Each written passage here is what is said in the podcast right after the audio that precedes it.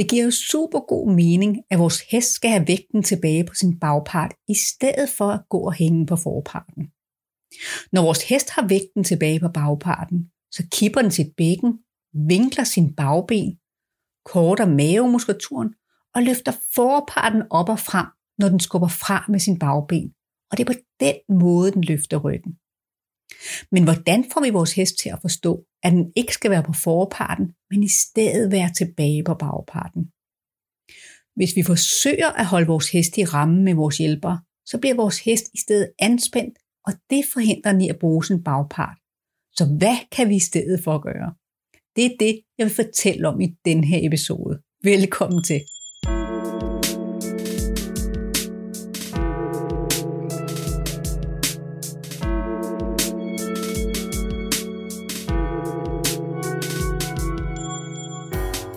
Mit navn er Christina Holmbæk fra Ride Kunst med Lethed. Jeg underviser rytter i, hvorfor og hvordan de skal træne med logiske trin for trinøvelser, så deres heste lærer at bevæge sig i både fysisk og mental balance for lette hjælper. I min podcast giver tips, tricks, inspiration og logiske forklaringer på sunde bevægelser og indlæring, som du kan bruge i din træning. Når vores hest er på forparten og endnu ikke har lært at lægge vægten tilbage på bagparten, så har det altså stor betydning for, hvordan den holder sin ryg. Når vores hest er på forparten, så presses brystkassen ned, og overlinjen kortes, og det forhindrer den i at kippe bækkenet. Det betyder, at når vores hest skubber fra med sin bagben, så skubbes hesten hen over sin forpart, og forbenene kommer længere ind under den. Det betyder, at vores hest mister balancen og må løfte sit hoved og hals for at spænde i halsen for at holde balancen.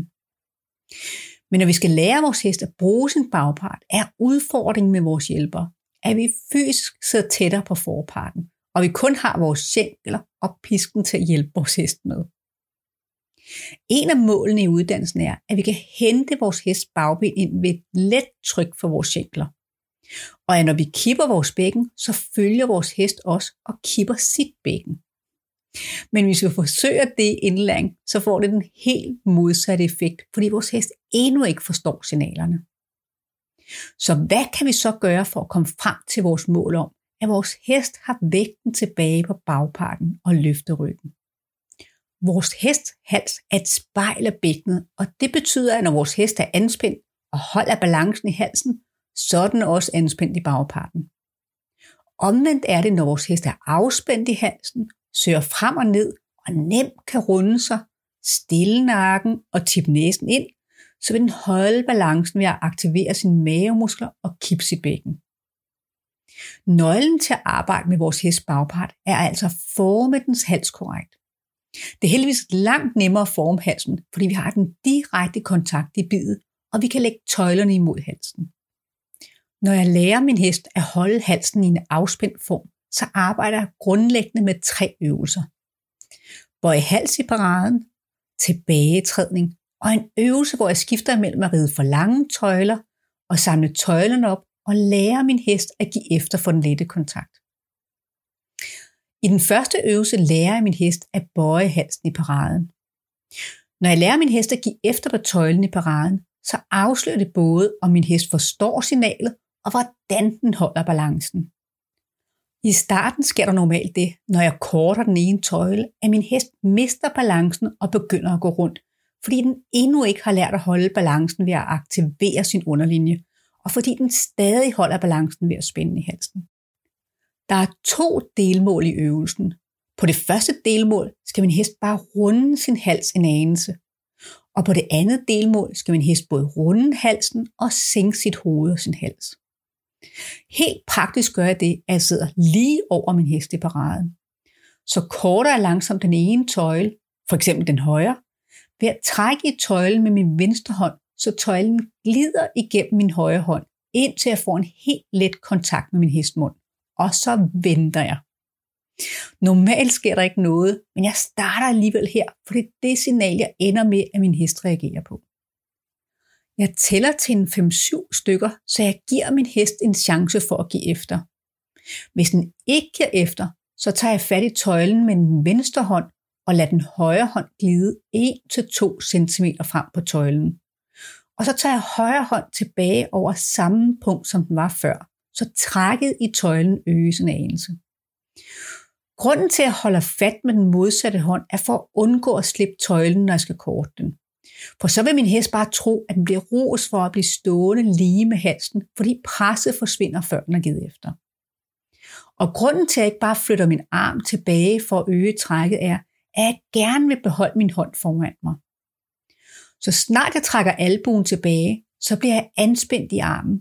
Og specielt hvis min albue kommer så langt tilbage, at min hånd kommer tæt på min hofte, så bliver mine bevægelser meget grove og svære at koordinere. Og så lærer min hest aldrig at stole på min hånd og tør give efter. Jeg korter gradvist tøjlen, indtil min hest giver efter eller begynder at gå rundt.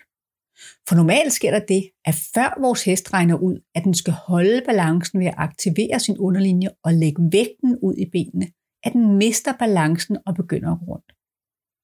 Jeg holder bare hånden ud til siden og lader min hest gå rundt. For her er det vigtigt, at jeg ikke begynder at trække tilbage i begge tøjler for at bremse min hest. For det lærer den ikke at holde balancen af. I stedet korter jeg roligt min ene tøjle, så min hest næsten ikke går frem på forbenene, men kun svinger bagparten til siden. Når min hest sætter bagbenene ind under sig, så kan den lægge vægten tilbage på bagparten. Og når den svinger bagbenet ud til siden, så kan den nemmere stoppe op. Men min hest kan godt træde til siden mange omgange, så det er vigtigt at jeg sidder helt lige, så jeg ikke forstyrrer dens balance. Og jeg kan eventuelt lægge hånden med tøjlen på mit lår, så min kontakt i bidet er helt stabilt. Når min hest stopper op, så slipper jeg tøjlen, hvis den giver efter i halsen. Modsat, hvis den stopper op og stadig er anspændt, så holder jeg fortsat kontakten, lige indtil min hest giver efter, og så roser jeg den. Hvis min hest går frem, så snart jeg slipper tøjlen, så korter jeg tøjlen igen og lader min hest træde til siden, indtil den igen stopper op. Det er altså super vigtigt, at jeg ikke tager kontakt i begge tøjler, selvom jeg helt sikkert kan bremse min hest op og få den til at stå stille. Men fordi min hest endnu ikke har lært at give efter for tøjlerne og lægge vægten tilbage på bagparten, så kommer jeg i stedet til at lære den at gå imod tøjlen og lægge vægten frem på forparten. Og det vil jeg meget nødig lære den. Når jeg i stedet kun tager fat i den ene tøjle, så kan jeg holde en relativt let kontakt og lade min hest selv finde løsningen. Normalt sker der det, at min hest skal gå mange omgange i starten, men når jeg konsekvent stopper den på den måde, så ender det med, at jeg bare lader hånden glide ned ad tøjlen, og så stopper min hest op med det samme. Når min hest kan runde halsen og stå stille til begge sider, så går jeg videre til det næste delmål, hvor min hest både skal runde halsen og sænke sit hoved og hals. Jeg starter ligesom tidligere ved at korte den ene tøjle. Forskellen er nu, at når min hest runder halsen, så slipper jeg ikke tøjlen. Min hest vil normalt blive tvivl og rette halsen op igen og møde kontakten i tøjlen. Hvordan min hest retter op, giver mig en super vigtig information. Hvis min hest slynger hovedet tilbage og trækker i tøjlen, så er jeg ikke i tvivl om, at den bøjer halsen, men stadig er anspændt. Modsat, hvis min hest retter op og møder min hånd med en helt let kontakt, så ved jeg, at jeg er tæt på målet om en helt afspændt hals. Jeg holder min hånd over samme punkt og lader min hest runde og rette halsen op, indtil den prøver noget nyt. Normalt bliver min hest træt i nakken af at holde den lette runding, og den vil naturligt sænke halsen og hovedet. Og så snart det sker, så slipper jeg tøjlen og roser min hest. Det er så vigtigt, at jeg ikke tager hånden ned i retning af mit knæ, for at hjælpe min hest med at tage hovedet ned. Det er ikke højden af nakken, der er interessant. Det, der er interessant, det er, at min hest slapper af i halsen, og det lærer den ved at give den tid til selv at finde løsningen. Jeg gentager normalt øvelsen to til tre gange til hver side.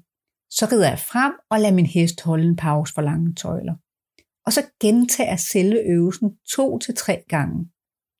Det er en mental hård øvelse for min hest, fordi den ofte skal regne en helt ny måde ud at holde sin balance på. I den anden øvelse lærer jeg min hest tilbagetrædning. Her skal min hest lære at tænke tilbage på bagparten, når jeg lukker fingrene lidt om tøjlerne. I denne her øvelse er der tre delmål. På det første delmål, der lærer min hest at træde et skridt tilbage. På det andet delmål, der lærer min hest at træde flere skridt tilbage med en lille pause imellem hvert skridt. På det tredje delmål, der lærer min hest at træde tilbage uden pause imellem hver skridt, og den begynder at lære at sænke sit hals og sit hoved. På det første delmål, der starter jeg med at samle tøjlerne op i paraden og holder en helt let kontakt. Jeg læner mig en anelse frem, så jeg tager trykket af over min hestlænd, så det bliver mere logisk for den at løfte ryggen, når den træder tilbage. Når min hest ikke træder tilbage for den helt lette kontakt, så øger jeg ikke trækket i tøjlen, for det vil bare få min hest til at korte halsen og presse brystkassen ned. I stedet runder jeg den let til en af siderne ved at give efter på den modsatte tøjle, og så venter jeg. På et tidspunkt bliver min hest træt af at stå med bøjning i halsen og vil forsøge at rette sig op. Men på grund af kontakten på tøjlerne må den prøve noget andet, og normalt vil de fleste heste træde skridt tilbage, og så slipper jeg tøjlerne og ro som min hest. Men igen er det altså vigtigt at give min hest tiden til selv at regne løsning ud. Altså regne ud, hvordan den kan lægge vægten tilbage på bagparten for at kunne træde tilbage. Hvis min hest slet ikke træder tilbage, så øger jeg gradvis bøjningen. Men hvis min hest bøjer halsen for meget, så er det svært for den at træde tilbage. Så det handler virkelig om at være tålmodig. Men jeg ved, at min hest hurtigt bliver træt i nakkemuskulaturen, og den vil forsøge at finde en løsning. Når min hest relativt nemt kan træde tilbage inden for kort tid efter jeg har givet signalet, så går jeg videre til det næste delmål, hvor min hest skal træde flere skridt tilbage, men stadig med pauser imellem hver skridt. Fordi jeg runder min hest til en af siderne, så vil min hest her i starten træde tilbage i en cirkel. Men jo mere rutineret den er, jo mindre behøver jeg hjælpe den med at runde i halsen, og til sidst kan den nemt træde lige tilbage. Men her der starter jeg altså ligesom på det første delmål, lukker fingrene lidt om tøjlerne og runder min hest til en af siderne, hvis den ikke reagerer. Og jeg giver stadig efter, nogle den skridt tilbage. Men så snart forbenet lander under mig, så tager jeg kontakt i tøjlen igen.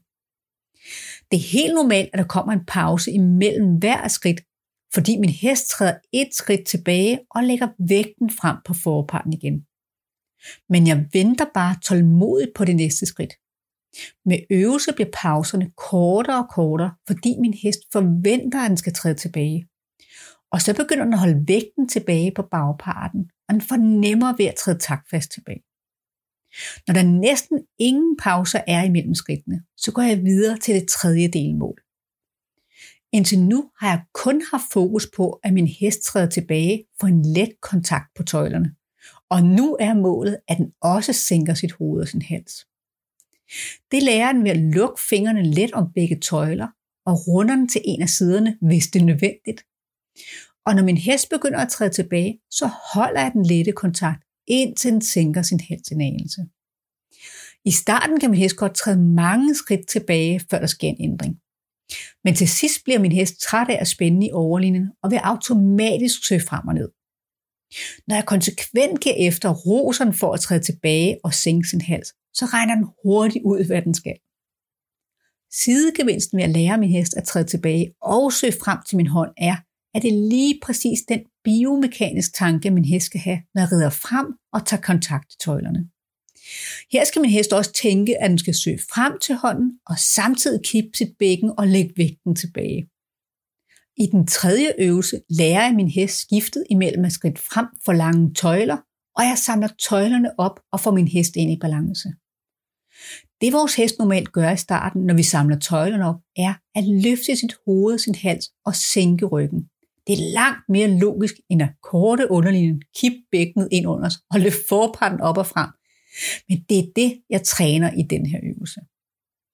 Inden jeg starter øvelsen, så sætter jeg to til tre kejler eller spanden langs begge langsider, cirka 3 meter inde på banen. Jeg bruger kejlen til at hjælpe mig med at holde fokus, når jeg rider ind på en volte. Jeg starter øvelsen med at lade min hest gå for lange tøjler på hovslaget. Jeg sidder helt lige over den, jeg slapper af i mit sæde og følger dens bevægelser. Så samler jeg langsomt begge tøjler op, indtil jeg har en let kontakt.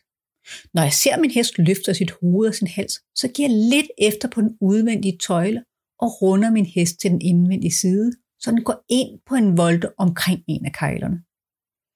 Hvis min hest ikke giver efter og sænker sit hoved og sin hals, så gør jeg gradvist volden mindre ved at give efter på den udvendige tøjle. Igennem hele øvelsen har jeg en let kontakt i tøjlerne. Jo mindre volden bliver, jo mere svinger min hest sit indvendige bagben ind under sig, og jo mere logisk bliver det for den at lægge vægten tilbage på det indvendige bagben. Når min hest har vægten tilbage, så vil den som ofte søge frem og ned, fordi den ikke længere har brug for at spænde i halsen for at holde balancen. Hvis min hest stadig ikke giver efter, så gør jeg gradvist volden mindre og mindre. Hvis min hest giver efter i halsen og sænker sit hoved, så slipper jeg tøjlen og lader den gå lige ud af volden igen. Men hvis den ikke giver efter, så øger jeg rolig bøjning i halsen, indtil forbenet stopper med at gå frem, og min hest træder til side med sin bagben. Og så venter jeg på, at den genfinder balancen og stopper op i en parade. Når min hest står i paraden, så holder jeg stadig den lette kontakt i tøjlen, indtil min hest giver efter og slapper af i halsen. Det er dog vigtigt, at hvis jeg skulle have meget kort tøjle for at stoppe forbenet at gå frem, så skal jeg give min hest lidt længere tøjle i paraden. For hvis min hest er meget bøjet, så bliver det fysisk umuligt for den at give efter. Når jeg gentager øvelsen og konsekvent rider ind på volden og venter på, at min hest giver efter for den lette tøjlekontakt, og jeg skamroser den og giver den pauser for lange tøjler, så snart den giver efter og søger frem og ned, så vil min hest til sidst regne ud, hvordan den kan skifte form fra at gå fra lange tøjler til at give efter og gå i balance for kontakten på tøjlerne uden at slå fra. Men jeg er hele tiden opmærksom på kvaliteten af kontakten, når jeg samler tøjlerne op. Så jeg ikke kommer til at ride videre, uden at min hest giver efter og søger frem og ned. Men så snart jeg opdager, at min hest ikke forstår eller reagerer på mit signal, så runder jeg min hest og rider ind på en volte, indtil den giver helt efter og er blød i kontakten.